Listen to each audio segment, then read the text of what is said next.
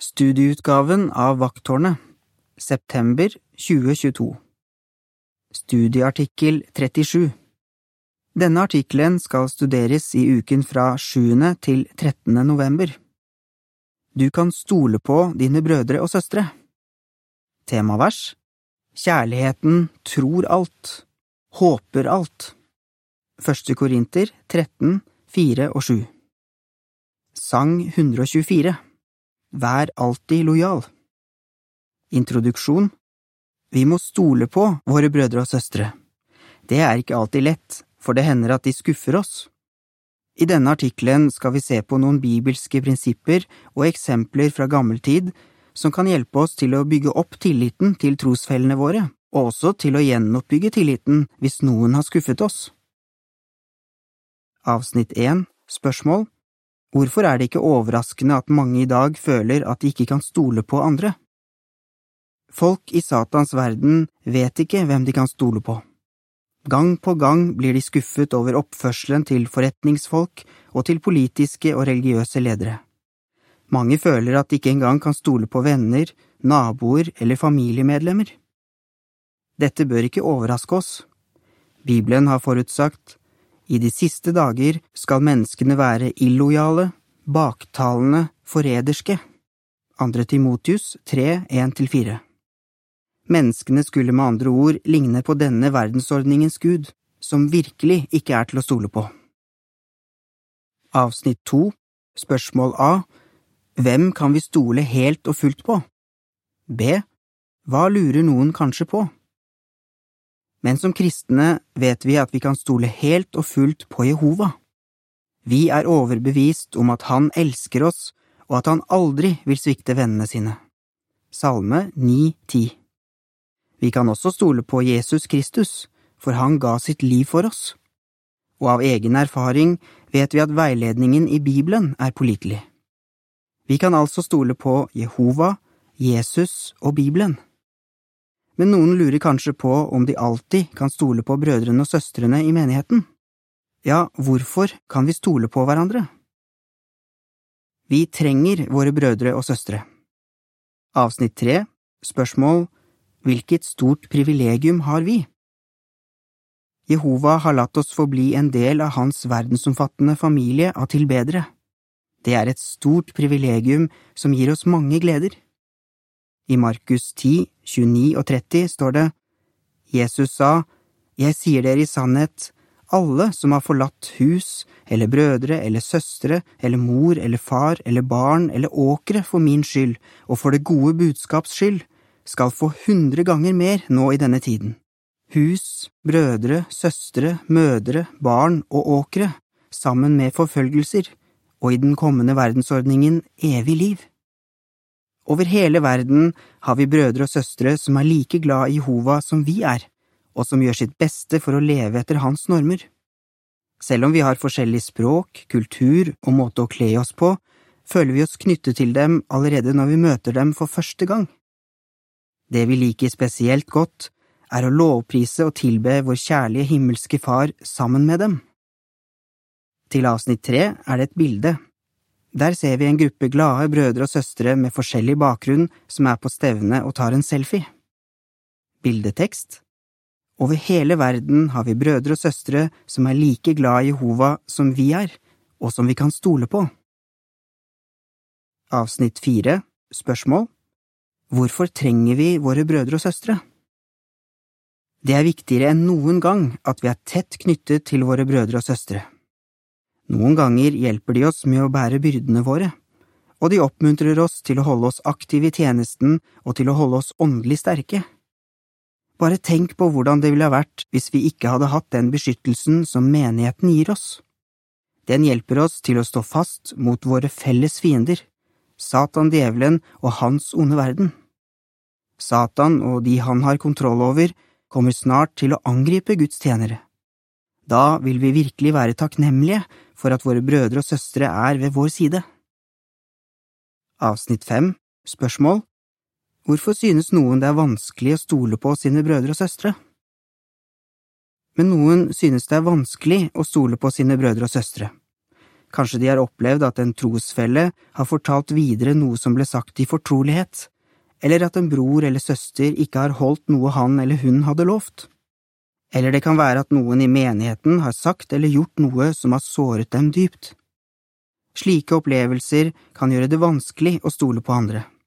Så hva kan hjelpe oss til å bygge opp tilliten til trosfellene våre?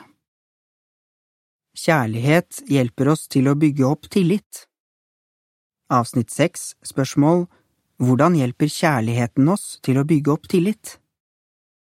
Kjærlighet er grunnlaget for tillit.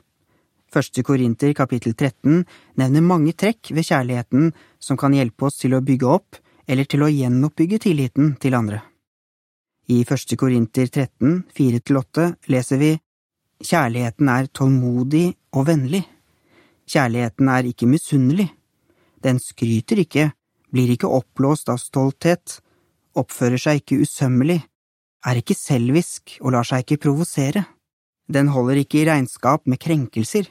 Den gleder seg ikke over det som er urett, men gleder seg ved sannheten. Den tåler alt, tror alt, håper alt og utholder alt.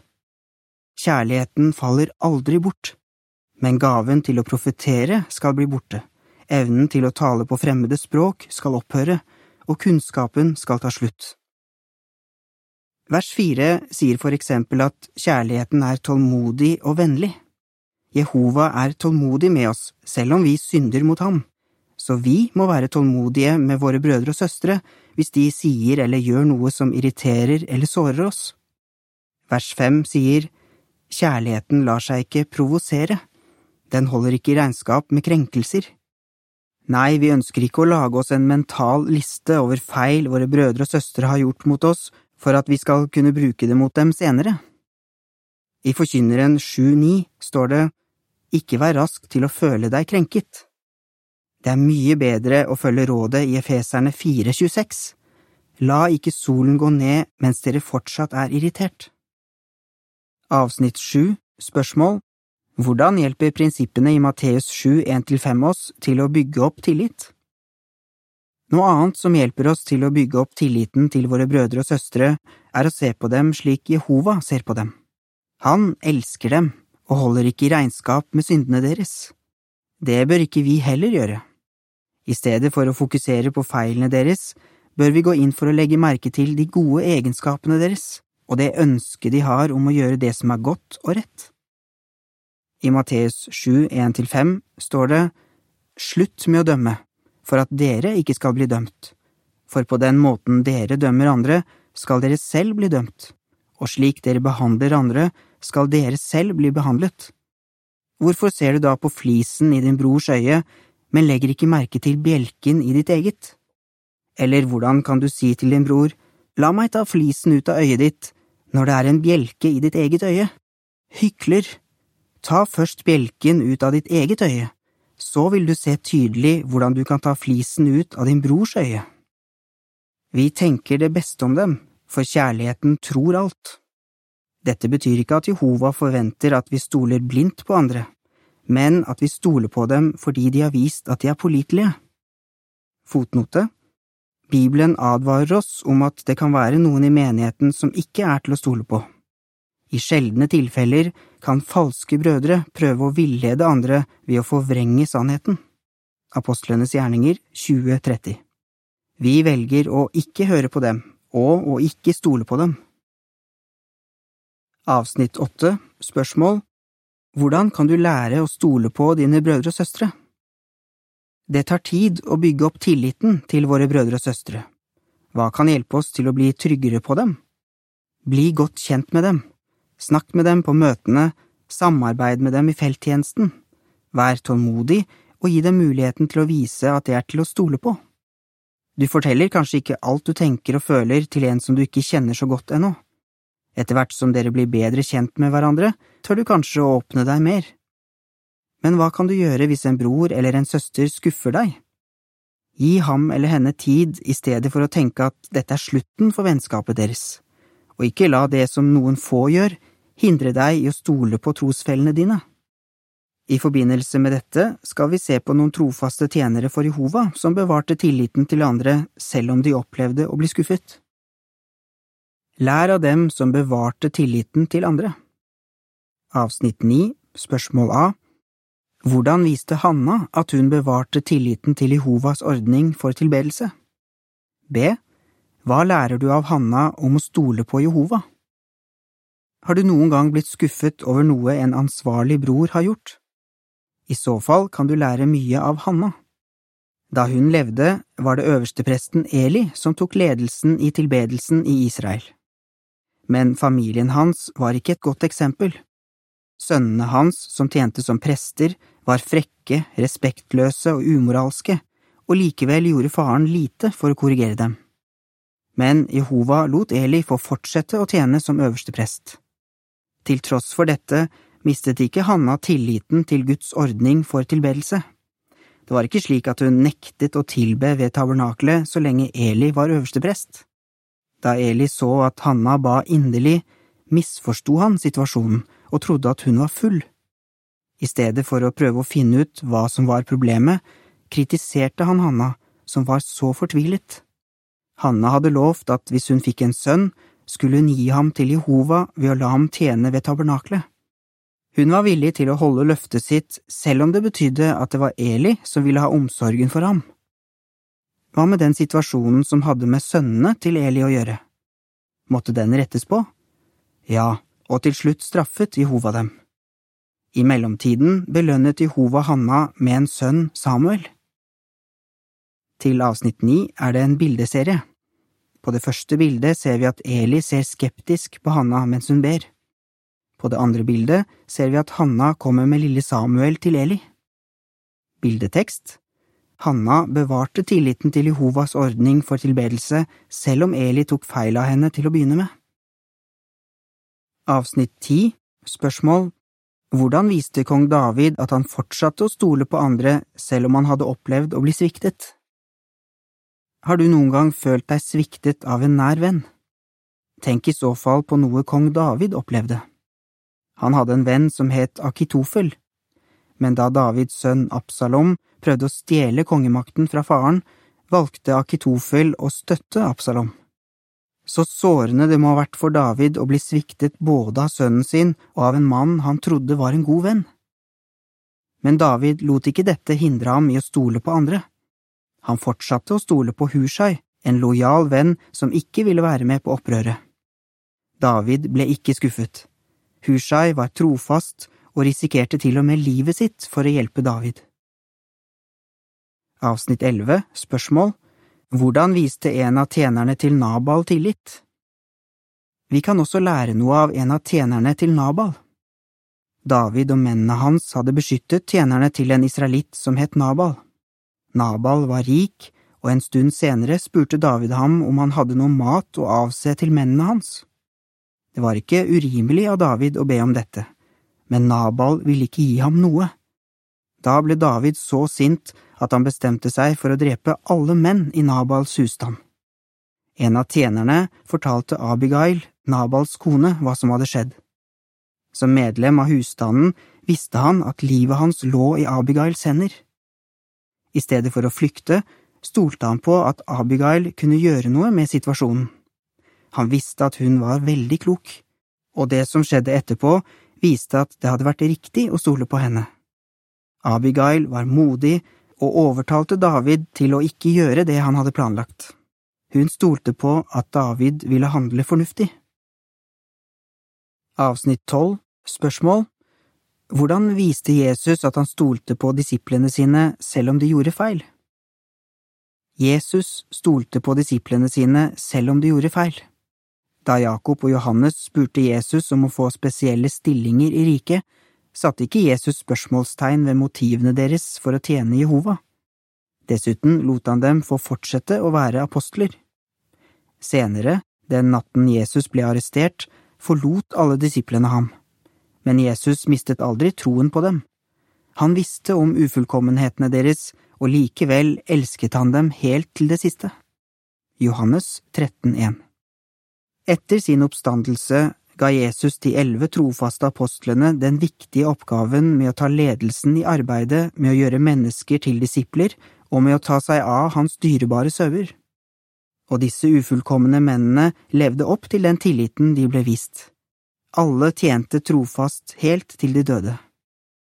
Som vi har sett, var Hanna, David, tjeneren til Nabal, Abigail og Jesus gode eksempler når det gjelder å stole på ufullkomne mennesker. Hvordan gjenoppbygge tilliten til andre? Avsnitt 13, spørsmål Hva kan gjøre det vanskelig for oss å stole på andre?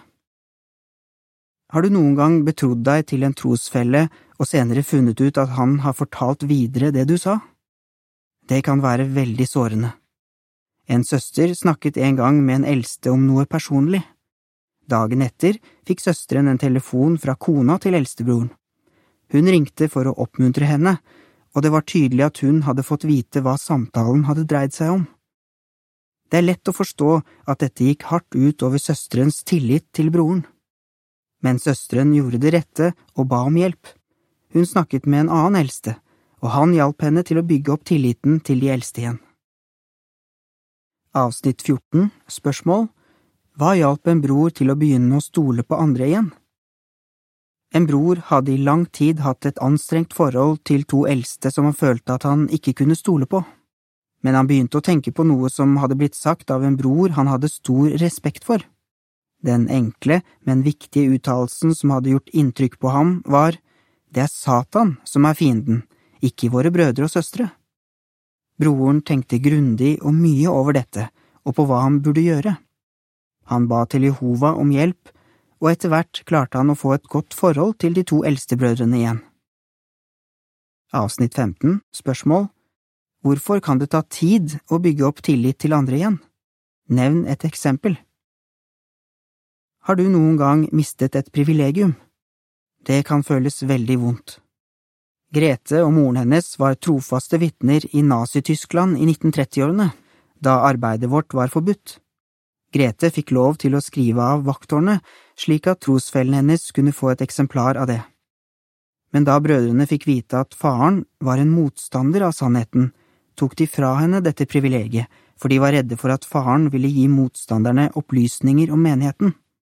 Grete skulle møte flere prøvelser.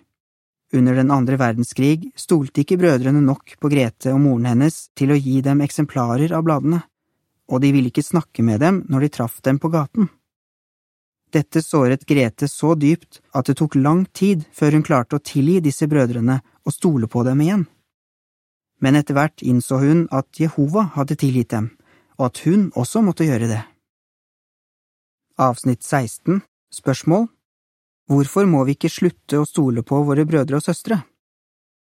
Hvis du selv har opplevd noe som har skuffet deg dypt, bør du gjøre noe for å gjenoppbygge tilliten til andre.